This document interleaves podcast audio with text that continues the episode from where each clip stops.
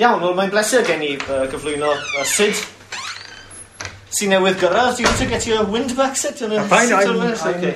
Mae'n mae flwyddyn. Uh, mae'n flwyddyn o flwyddiannau, dwi. It's, uh, it's a year of, of anniversaries. And today, of, of course, we, we think about uh, Aberfan. Um, anniversaries are interesting moments, aren't they? Because they relate specifically to the way we narrate history, what, what role they play in, in, in, the, uh, in the histories that we, that we tell. History, to some extent, is the way we construct the past. Um, and by constructing that past, we imagine our present and our futures in, in, in light of it. And the frames we use for looking at that past affects the way that we read it, right? Um, in relation to, to Aberfan, I was doing some reading recently, and it's quite striking, I think, that a volume like uh, The Labour Party in Wales, edited by uh, Chris Williams and Duncan Tanner and Deian Hopkin, contains no mention of, of Aberfan. Um, Gwyn Alf's uh, When Was Wales contains no mention of, of Aberfan. It's, it's, quite, it's quite striking, I think. It's almost like a residual, submerged fact in, in a kind of socialist history um, of, of Wales. Sid's project is very much revisionist in the sense that it tries to change the frames we use to, to think about uh, our past. Um, he's working on, or he came to work on, to Swansea, to work, to work on the influence of Ireland uh, and Irish politics on Plaid Cymru in, in its early years. And I think in the process of doing that, he moved back a bit sooner because Plaid doesn't obviously emerge suddenly in 1925 out of a vacuum. There's something at work, something that generates the emergence of Plaid in that period after the First World War. And it seems that Easter 1916 suddenly seems to carry some significance in that, in that context. Um, last week, I was launching with Alan Llwyd his new biography uh, of Gwenallt, uh, D. Gwenallt Jones, the, the, the, the Swansea Valley poet. And for Gwenallt, very, very clearly, um, the First World War and the Irish Rebellion led him in a way from the ILP, from, from his socialist position towards Plaid Cymru in the 1920s. It seems, seems a significant moment, which supports, I think, some of the things that uh, Sid has been uh, exploring. So by changing the frame, changing the frame by which perhaps we think about, uh, about that period, uh, Sid is contributing to the making of a kind of nationalist uh, history, I, I, I suppose. Um, Sid has given me a bio of himself. It's, it looks like a concrete poem in its own, own right, Sid. Political me. Plaid Cymru, been there, done that. We can't have that. That sounds too much like uh, David Earl said. You've got to change that. More Welsh nationalist every day, which does not sound like David Earl. Wish I was a citizen of the Irish Republic. European before the common market. Um, so, Sid has been working on, uh, um, you, you mentioned uh, DJ and Noel Davis, that's part of the history. Noel Davis was, of course, Irish. Uh, Irish partners have an interesting role to play in the history of Plaid Cymru. Um, thinking of, of Saunders Lewis's wife uh, also. Um, thrilled to work, says Sid, in Swansea University's New Bay campus, um, with thanks to Richard Davis and Ian Wynne Jones, and determined to rewrite our history prize it from the hands of Hywel Francis, Dai Smith, Peter Stead, and other British Labour historians, he says, which nicely coincides with what I just, with what I just said. Um, you probably shouldn't put that up on the website. I. I don't mind. Okay, uh, desperately need allies for that. Much more exciting project than Cardiff Bay. Uh, he's got an inspirational PhD supervisor, he says here. I don't know who that is. Uh, can't wait for my books to be published. You're the guinea pigs. Thanks in advance. Okay, so with uh, on that note, I'll hand the uh, reins over to Sid. Croeso at hynny, Sid. Okay. Well, diolch yn fawr, uh, Daniel, and thank you for your uh, patience. Uh, uh, I, I'm, I'm reminded of uh, Peter Lawford's introduction, wasn't it? You know, and the, the late Marilyn Monroe. Remember that one? Uh, when she came in late. Uh, so anyway, uh, but but not with the consequences, I hope. Right. Um, I come here today to try and do two things. Number one, to tell you what I hope is an interesting story, and secondly, to uh, show you my the beginnings of my attempt to rewrite our history. That's the two things. Um, William Faulkner in 1951 wrote, "The past is never dead; is not even past. And that I firmly believe that to be the case. History is not the past, history is now. Um, and the um, famous uh, historian of the Holocaust, Martin Gilbert, uh, said that chronology is the key to understanding everything. And uh, if you read the Holocaust as a chronology, as opposed to a segmented thing, you understand it much, much better. And, I do, and uh, chronology is what I'm about today. And I ask you to try and remember the dates because the dates are important um, as we move along. Right. Um, I've subtitled uh, this talk, uh, in a sense, uh, is almost a scream year. The, the, the history of the Easter Rising on Wales is much more than Frongoch. I tried to sell that message to the media way before this, but they don't get it. And what I'm going to try and do today is tell you the other side of that story. I'm sure there are other sides as well. I'm going to talk about a man called Jack White. I'm going to talk about his mission to Wales at the time. Um, and what Jack White's mission does is two things. Uh, it holds a mirror to British Labour at that time, chronology, right? Okay? And secondly, it tells us uh, then and later on, after the end of the Second World War, about Welsh nationalism, which I don't think has been told uh, much before. Um, can I just, I'll, I'll, pass around two things, I'm just going to show them on the screen. There is a photograph of Frongoch, as it was at the time, and this is important to the story I'm going to tell you, it was a concentration camp. That was written out of history after 1945 for obvious reasons. But there's a photograph of Von, Frongoch as a concentration camp. And that comes into our story of the Labour Party in Wales. The second uh, thing I'm going to show you is a photograph of Jack White, in case for those who haven't seen it, have a look around, uh, at, about the, the, age he was here. Um, he's a pretty striking character. He is actually holding a rifle, and that will tell you a lot about Jack White. okay? Right. So, part one. I got this is in three three parts. This is a good uh, announcement. Should do. White's mission to Glamorgan. Well, the starting point, as Daniel hinted at, was the Easter Rising in Dublin, or in Ireland. 24th of April to the 29th of April 1916. That's the, the period of the Easter Rising itself before it was suppressed. The newspapers in Wales, after, just quite soon after that, were screaming sensational arrest and trial sensational arrest and trial. Jack White, our character there, was arrested at the Mackworth Hotel in Swansea on the 12th of May.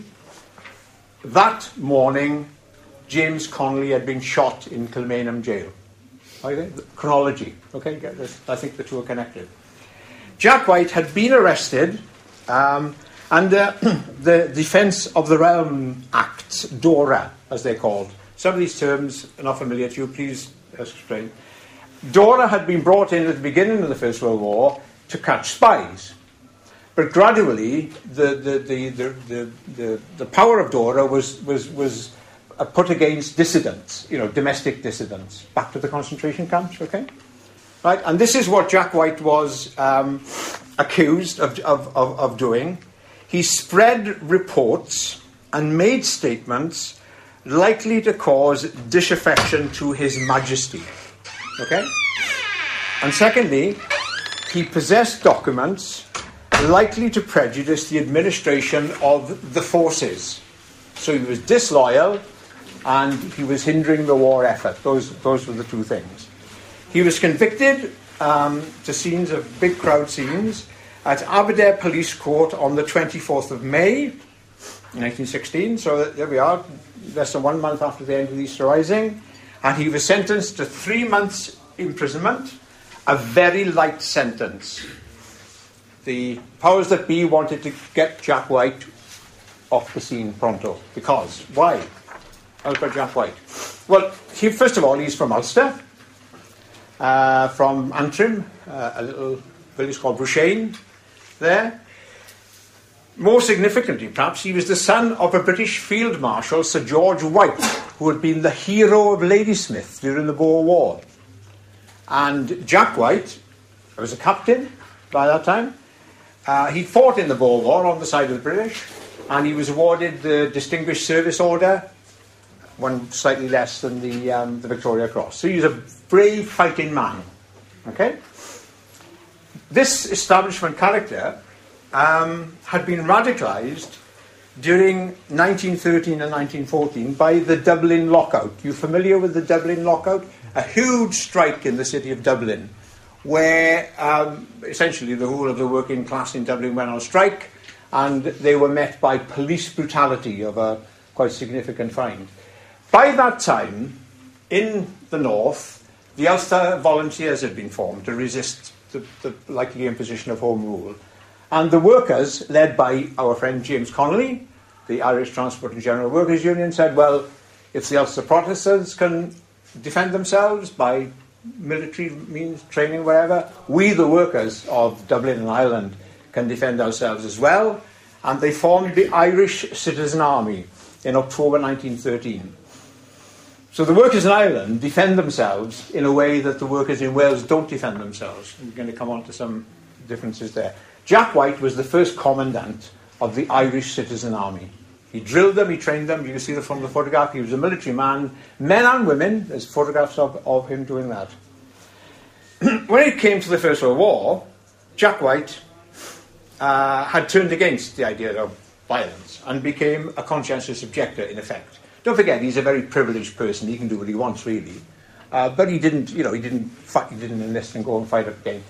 And, uh, but he served on the Western Front as an ambulance driver, uh, which only kind of turned him against war even more, you know, so he became sort of quite anti-war. He was obviously in touch with people back in Ireland, with, don't forget, he's a friend of Connolly and all the other people, Jim Larkin and all those other people. He knows these people. Uh, he'd work with them. Uh, he's, he's in touch with all the Irish intellectual establishment at this time as well, so he's, you know, he's, he's in good contact. But he had opposed the idea of, particularly of Roger Casement, who said, well, you know, um, was it England, something is our opportunity? Uh, you know, Casement said, well, let's get the Germans in to help us to overthrow the English. Uh, White, White opposed that, uh, uh, and he, he didn't take part.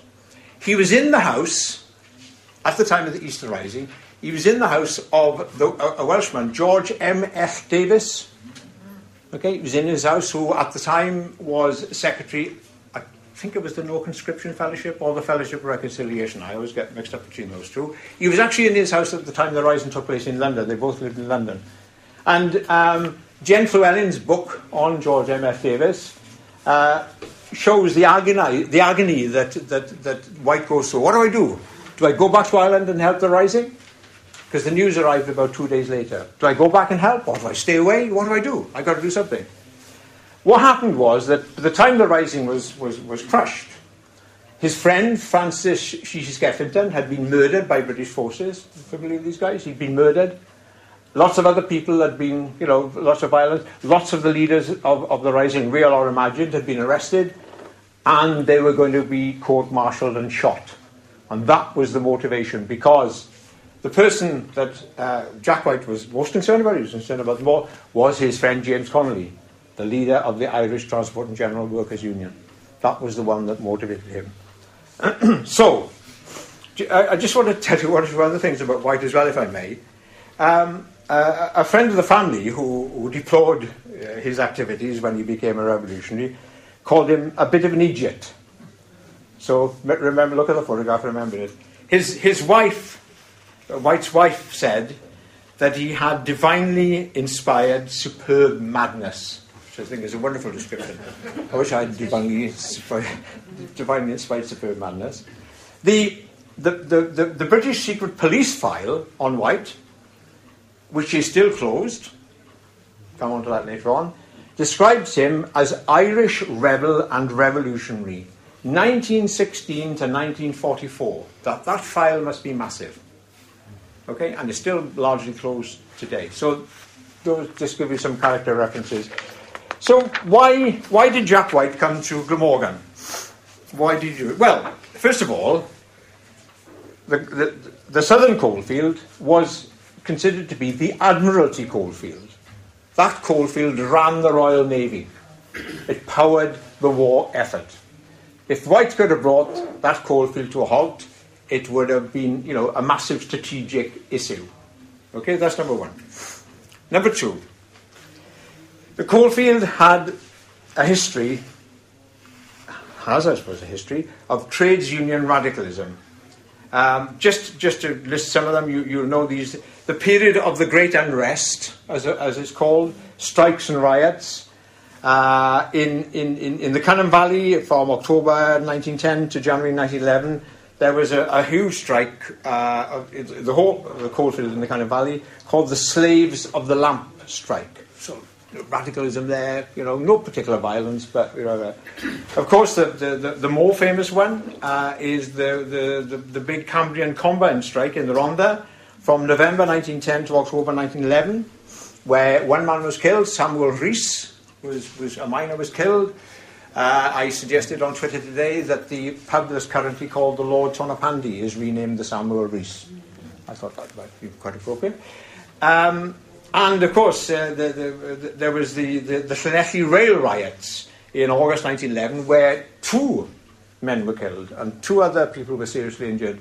People were shot and bayoneted in Llanelli. So you can see the, the, the, radicalism of, of, of the coalfield, which I believe would have attracted White. Why, you know, to, to try and do something about it.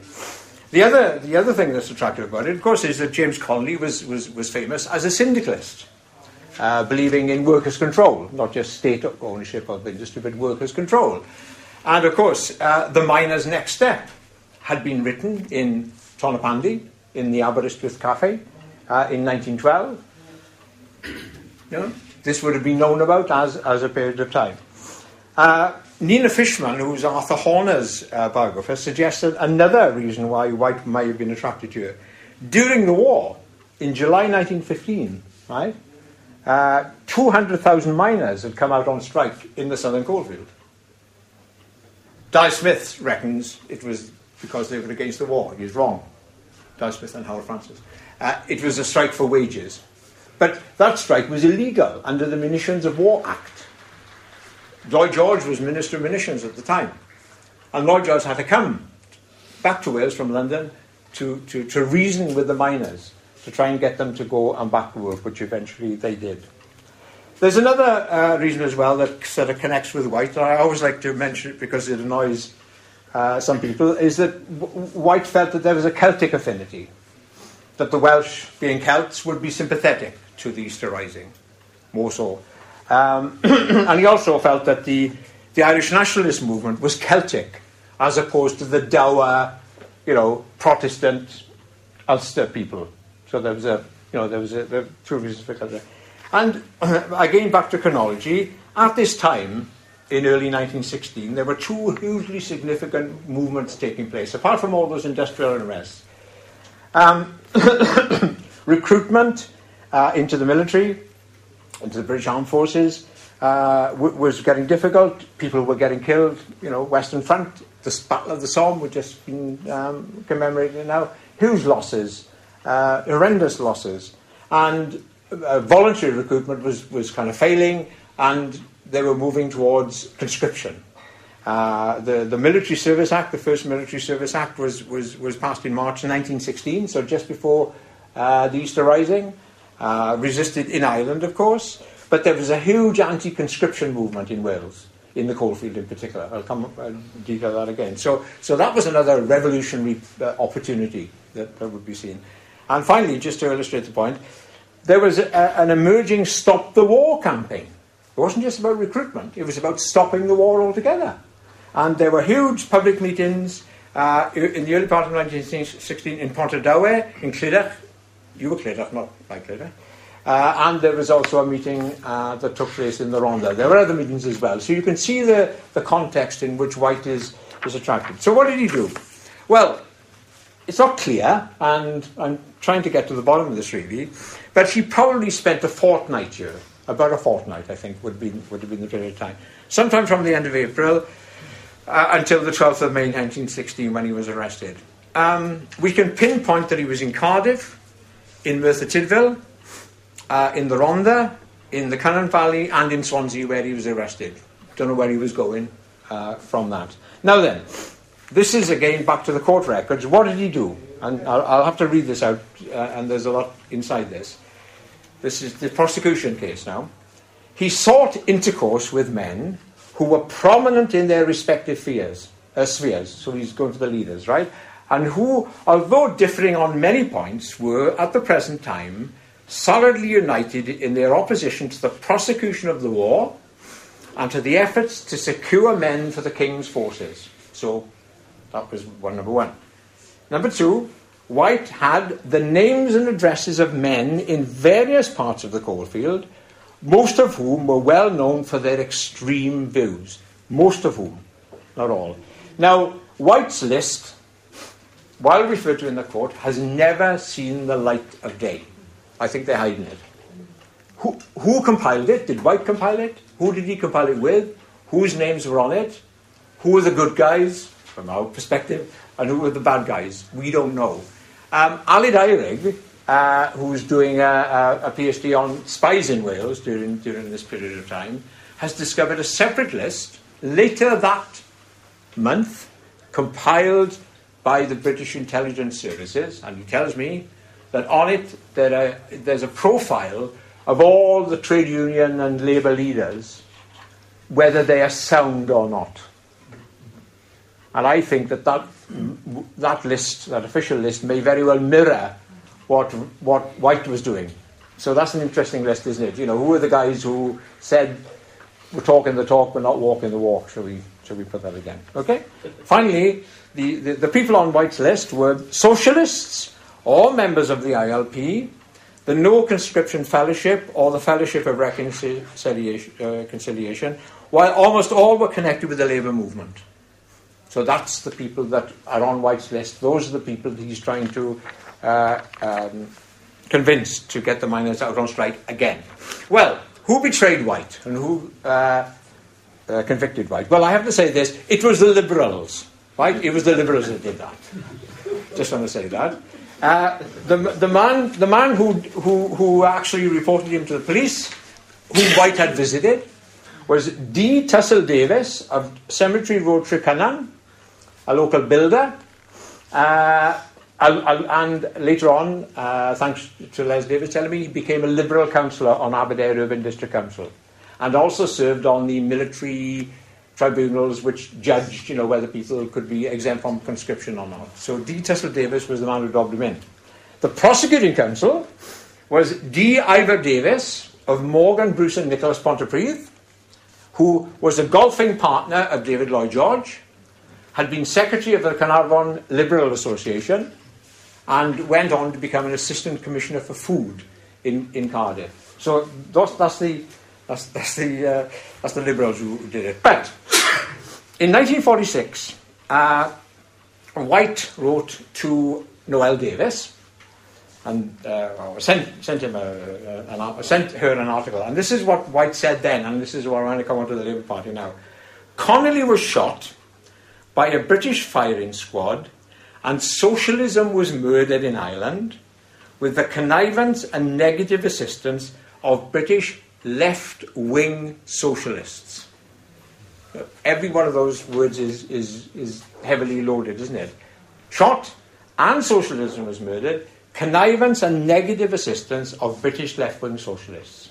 So let's examine that. Let's examine that uh, argument of White's.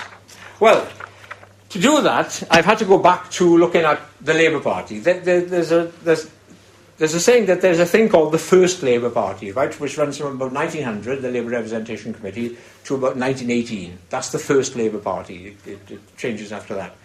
And that Labour Party has a number of important characteristics. This is what many people have written about. First of all, it's a trade union based party. It's about trade unionism. It's about the priorities of trade unionists, the members, defending their interests, their legal rights. Okay, so that's its primary uh, purpose. Secondly, and by this time of the war, there are 42 of them, it's very much a parliamentary party. The members of parliament are their own judges and juries. Even though they are trade union leaders, even though they are, you know, sons of the soil, all sons, they are still nevertheless a separate entity who make their own decisions. It's kind of familiar refrain, isn't it? Right? Thirdly, um, many of them are, even though they are Labour, they are actually Lib Labs. They, you know, many of them have started out as Lib Labs, you know, uh, working class men who were officially liberal but were representing the Labour interest. Many of them carried on. Uh, you don't see the sweeping out of the Lib Labs until the 1930s, uh, I don't think.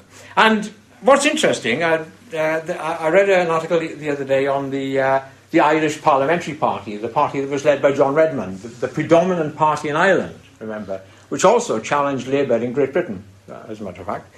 And uh, the, the, the, the um, David Convery uh, from Limerick says two things about the Irish Parliamentary Party. It was immersed into the British state, immersed into the British state, gradually immersed into the British state. And it also took part in imperial cooperation. And I think, in many respects, the British Labour Party in this period, we can parallel with the Irish Parliamentary Party. I think there are many, many similarities, more than I'd realise, uh, in fact. So, the first Labour Party had very much a domestic focus. It was very much a domestic focus.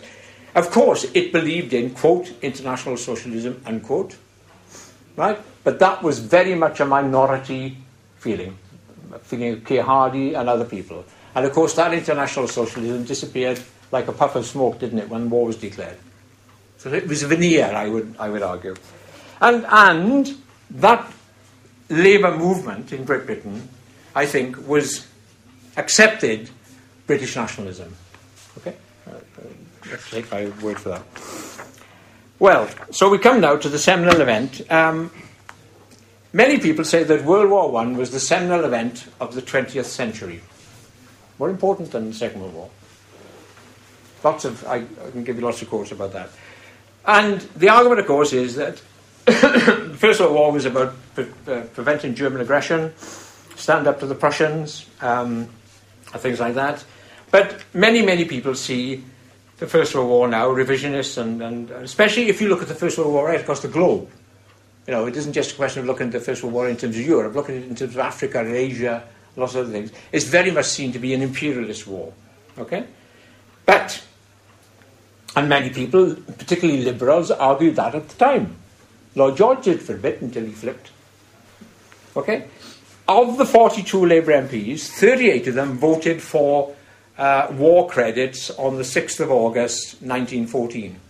So the, the, the Parliamentary Labour Party, to, to, you know, 38 out of 42, a minority including, of course, uh, uh, Hardie and uh, Ramsay MacDonald, people like that, voted, voted the other way.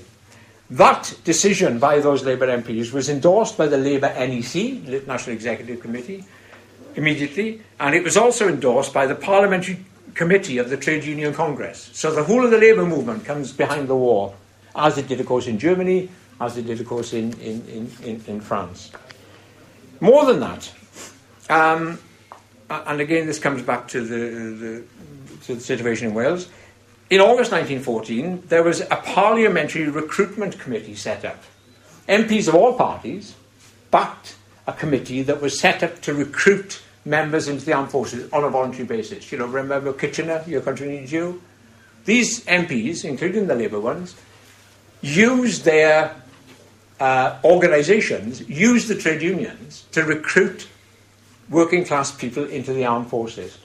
It even got to the point in October 1915 where a separate Labour recruitment committee was set up. So Labour now supports the war and is recruiting, you know, its class into the war uh, to fight the war. And I want to give you two, um, what I think are new examples of um, that. I want you to consider the case of William Brace MP. Has anyone ever heard of William Brace MP? Right, I'll tell you about him. I hadn't until after this. First of all, William Brace MP was the miners' agent for Monmouthshire. He was the Labour MP for South Glamorgan. More importantly, he was actually president of the South Wales Miners Federation from 1912 until 1920. He'd been vice president before. Okay, so William Brace. William Brace was, I quote, radical, leader of a combative section of a combative union. So William Brace, think of all the strikes, think of all the industrial unrest, think of all the wages strike, I referred to earlier on. Brace would have been the combative leader of a combative section of a combative union. But Brace was also a convinced patriot. Tell you this when the South Wales Miners Federation was set up as a separate entity from the Miners Federation of Great Britain, Brace opposed the setting up of the South Wales Miners Federation. He wanted the, the, the, the lodges to be affiliated directly to the Miners Federation of Great Britain. So you can see this, this, this connection, go back to White's thing, between left wing socialism and the British state, the, connect, the connection there.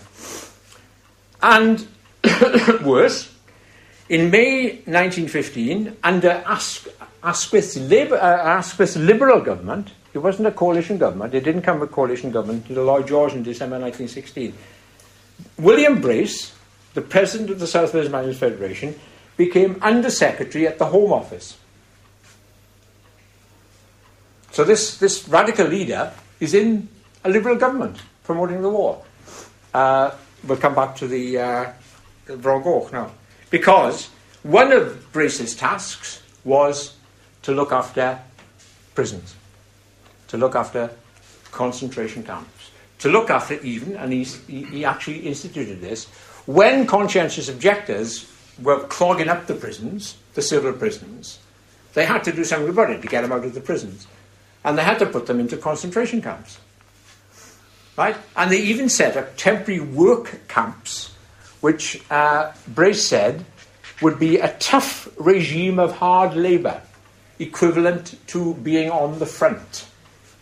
So there you have the president of the South Wales Miners, you know, helping the war effort to, to, to that extent. And um, finally, on this point, just to emphasise the fact, and again, I don't think this is something that is particularly well known, uh, our friend David Lloyd George, when he formed his first coalition government in, in December 1916, which ran until 1920, there were nine Labour MPs who were members of that government. Nine, including Brace, of course, uh, including Arthur Henderson, the leader of the Labour Party. Okay? So, can you imagine, back to the story about immersion in the state, how those Labour MPs became immersed in the state structures, became immersed you know, in, in, in that. The second example I want to give you, and um, please tell me about time, because I'm rambling on a bit, is the some analysis I've done of the newspaper, the Merthyr Pioneer. Uh, it is an ILP newspaper founded by Keir Hardie, who, of course, as we know, was anti-war. Uh, it, it, ha- it has extensive coverage of all the Dora arrests and trials. You know, every edition is full of Di, Di Jones and blah blah blah. Sometimes arrested, and they've been arrested for this under under Dora and things like that. So they're doing that. In in 1916, they are hot on uh, uh, an anti-conscription movement. So the so the Merthyr Pioneer is really really hot on this. Uh, they're reporting favourably the peace campaign. They're decrying Charles Stanton, the right-wing Labour MP for Merthyr Boroughs, who succeeded um, uh, Keir Hardie after he died. Jack White says that he went to the offices of the Merthyr Pioneer to write articles about the Easter Rising and urging them to print articles to save James Connolly's life.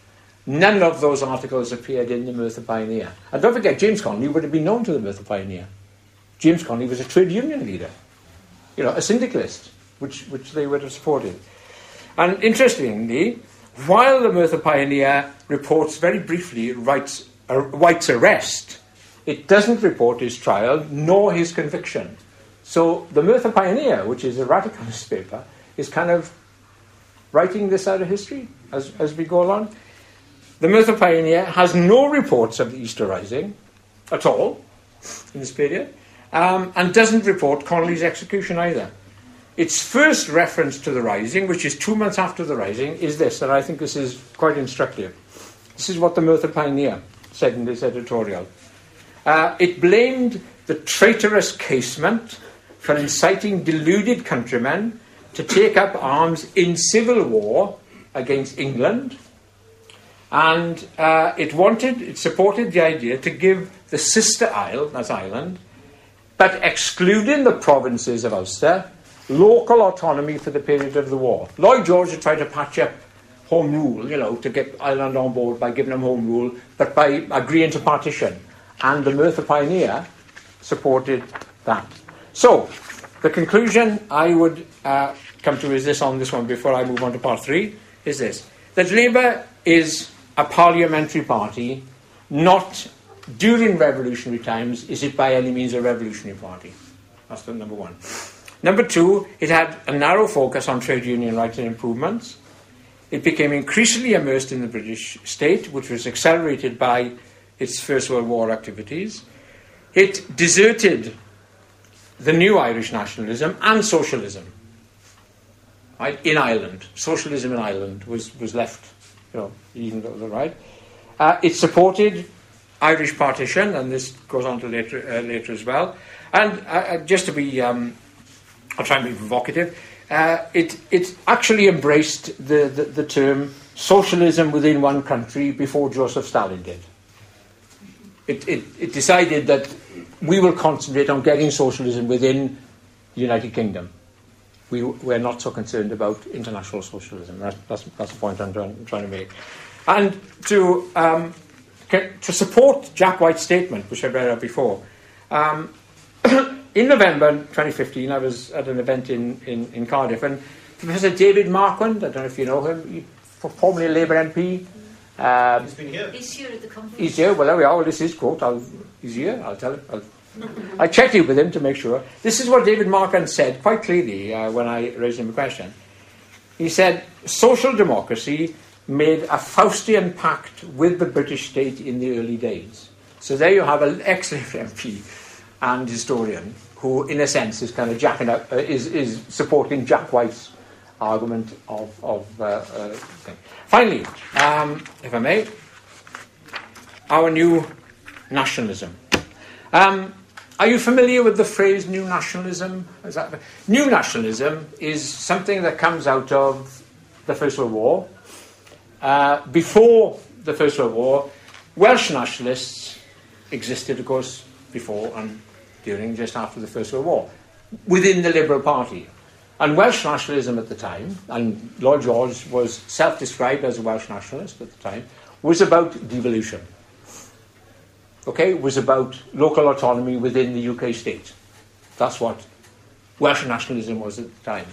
The new nationalism that emerges, um, or becomes clear during the First World War. President Wilson of the United States, 14 points, talks about self determination. But that self determination is through the creation of separate states. It's not about devolution within states, it's the creation of separate states. And the Welsh Nationalist Party, founded in 1926, is a new nationalist party. It's not about devolution, it's about the creation of a separate state, which, of course, is exactly what had happened in Ireland wasn't it? The, the, the, rising was about the creation of a separate state, not about home rule. Okay. Now, the influences uh, on uh, of Ireland on the Welsh Nationalist Party, if I, if I may. Uh, Daniel alluded to this. There are many personal influences which I think are underrated. Margaret Gilchrist, of course, the, the, the wife of Saunders Lewis. Uh, if you read um, Saunders' letters to Margaret Gilchrist, you'll see his references to, you know, when he's replying to her, many, many references to, to Ireland, Sinn Féin, my little Sinn Féin friend, calls her. Um, so you can see that Margaret Gilchrist is, and we, I don't know yet, the other influences of Margaret Gilchrist on Saunders, uh, because naturally the book contains his letters, not hers. You'd expect that, wouldn't you? Uh, Noel French, of course, who becomes Noel da- Dr. Noel Davies, is, is also Irish, um, from County Roscommon. Um, marries DJ Davies, of course. Back and forth to Ireland all the time, the pair of them, back and forth to Ireland all the time. And she, if you look at her um, archive in the National Library, piles and piles of cuttings from Irish newspapers, magazines. So she's in constant contact there. And, and uh, I'll come on to the detail of it now. Of course, ideology had been transferred. Uh, DJ famously wrote A Tree Hyn, uh, 1916, 16, right? You know, one of the first tracks. But, you know, the evidence from people like Lewis Valentine, J.R. Jones, J. Jones, etc. So you've got ideological transference of, of, of, of ideas there. The, the main part of my work is the intense um, interwar relationship between Fianna Fáil and De Valera, particularly, and the Welsh Nationalist Party. Okay? Intense, absolutely intense interrelationships. And a whole range of, of issues. Um, Saunders Lewis had written The Principles of, of, of Nationalism in 1926. And uh, I'll, I say, might as well say it. Cynog Dafis says that proves that Plaid Cymru wasn't, or you know, the Welsh Nationalist Party wasn't in favour of independence. Well, yeah, okay, in 1926 it wasn't. By 1930 it had become in favour of independence. That by 1930 the Welsh Nationalist Party was in favour of dominion status for Wales. Exactly which is what the Irish Free State was. Dominion status. And you can see as the, the nature of the Irish Free State changes after De Valera becomes Taoiseach, you know, you, you can see the Welsh Nationalist Party adopting those ideas in constitutional terms. Okay, so you've got that one there. Um, and also, as well, uh, interestingly enough, uh, when, when the Welsh Nationalist Party was formed, it was an abstentionist party as far as Westminster was concerned. And it was only its experience in Carnarvon, uh, where the vote was so low, that it abolished uh, abstentionism at Llanwrtyd in 1929. So it was an abstentionist party, but like, like Sinn Féin was. So you can see those differences there. The other big issue that, that dominated uh, thinking was partition. And again, I don't know if you're familiar with this, of course, but the Welsh Nationalist Party was hugely uh, concerned about the partition of Wales, the absorption of Monmouthshire into England. And that story, I think, has never been fully written. Uh, DJ and uh, DJ Davies and Noel Davies were, were, leaders in that. But it was a huge campaign, uh, very, very important campaign as well. The economic nationalism of the, of the Irish Free State, which essentially rejected finance capital and wanted local, you know, local, local enterprises and things like that. That, that economic nationalism uh, was modified uh, by bringing into Wales, but the Welsh Nationalist Party was essentially an economic nationalist party, of course, largely written by uh, D.J. Davies and Noel Davies. Back to the influences there. The, the, the Welsh Nationalist Party was a strong adherent of the League of Nations. Ireland, of course, played a leading part in the League of Nations. The Irish Free State, right? The General Secretary of the, of the League of Nations was an Irishman. Uh, De Valera took, paid a lot of attention to the work of the League of Nations. So, so, so you've got the influence there. And one, you know, one of the one of the main strands running through any story of the Welsh Nationalist Party in this period is its anti-imperialism, hugely anti-imperialist. You know, globally anti-imperialist, supporting everyone. And the final uh, thing I want to uh, mention before I just come to the end is this: is that Plaid Cymru adopts the same policy about fighting what was to become the, the, the Second World War as the Irish Free State. It's accused of being a pacifist party during the Second World War. That's not true. Uh, the policy it adopted was defensive neutrality.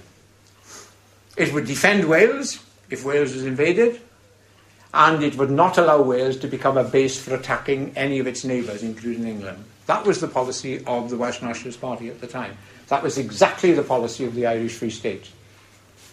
So you can see the, the, the, the influences there.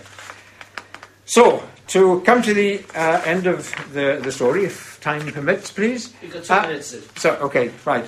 Um, Jack, Jack, White kind of disappears um, largely uh, from the story uh, uh, after his arrest and imprisonment. Although he is arrested in lots of places, he's arrested in Northern Ireland, he's banned from Northern Ireland. Saunders Lewis writes a really, really powerful article against the guy, uh, Dawson Bates, who's the Home Affairs Minister of the Northern Ireland government. There's a wonderful article by Saunders Lewis attacking Dawson Bates. But anyway, uh, because what happens at the end of the Second World War, White is in correspondence with Dr. Noel Davies. Considerable correspondence. Again, how they met, I haven't kind of worked that out yet, but there's a lot of correspondence goes on, on, on there. So, White is influencing the Welsh Nationalist Party as it still is. But now it's not just about Welsh Nationalist Party and Fianna Fáil. It's about the Welsh nationalism and Irish nationalism generally, and Irish socialism, and Irish republicanism. You can see the influences coming through. Okay? And uh, that, right? So it's more than Fianna Fáil. Uh, ICAC is involved very much as well in, in, in, in these kind of things. Uh, in 1946, Noel Davies uh, publishes her booklet, uh, Connolly of Ireland, Patriot and Socialist. And there's a wonderful letter um, from uh, to, to Noel Davies from Nance Jones, which just says the party will support the publication of, of Connolly of Ireland. It will help make nationalists out of the socialists. That's Nance Jones's little, uh, little, little scribble. Um, and the other thing that, that happens is that Jack White is, is a member of the Irish Socialist Republican Party in Northern Ireland. Okay, and it has a newspaper called the Northern Star. And a, number of articles from the Northern Star are printed, reprinted in the Welsh Nation, the Welsh Nationalist. So you can see Jack White is, is, is, is influencing that. It's about, he offers to support the Welsh cause.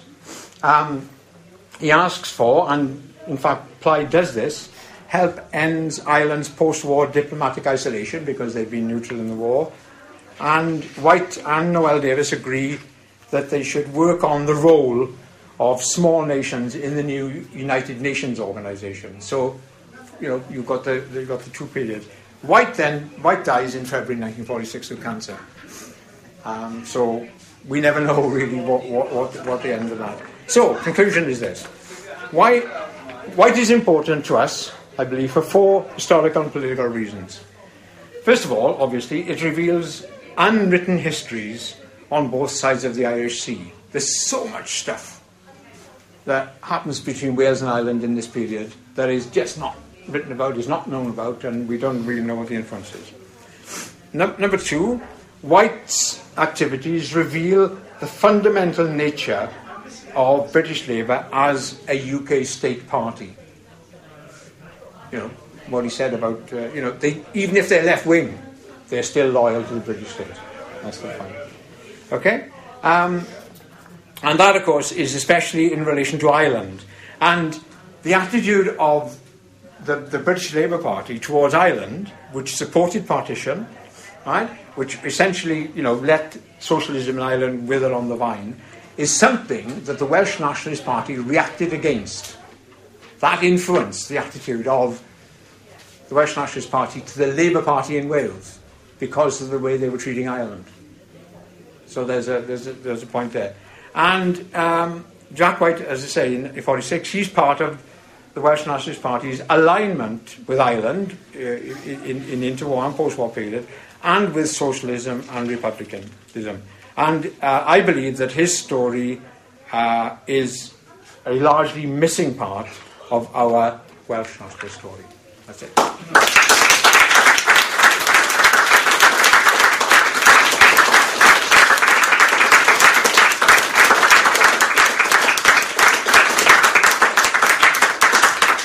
Well, I wish we could stay here for another hour now to discuss Syd's yeah. paper because that kind of revisionism is by definition controversial, changes our ideas about a lot of things, not least Plaid Cymru itself, right? Mm-hmm. Sid described it as a independence promoting economic nationalist party. The very opposite, actually, of how the narrative about early Plaid is usually constructed as a culturalist linguistic party. But there's a meeting here at five, so you'll have to chat with Sid during the, during the conference so we can uh, hang out uh, outside. Diolch i chi gyd am ddod a llongyfarchiadau mawr i Sid a Bach yn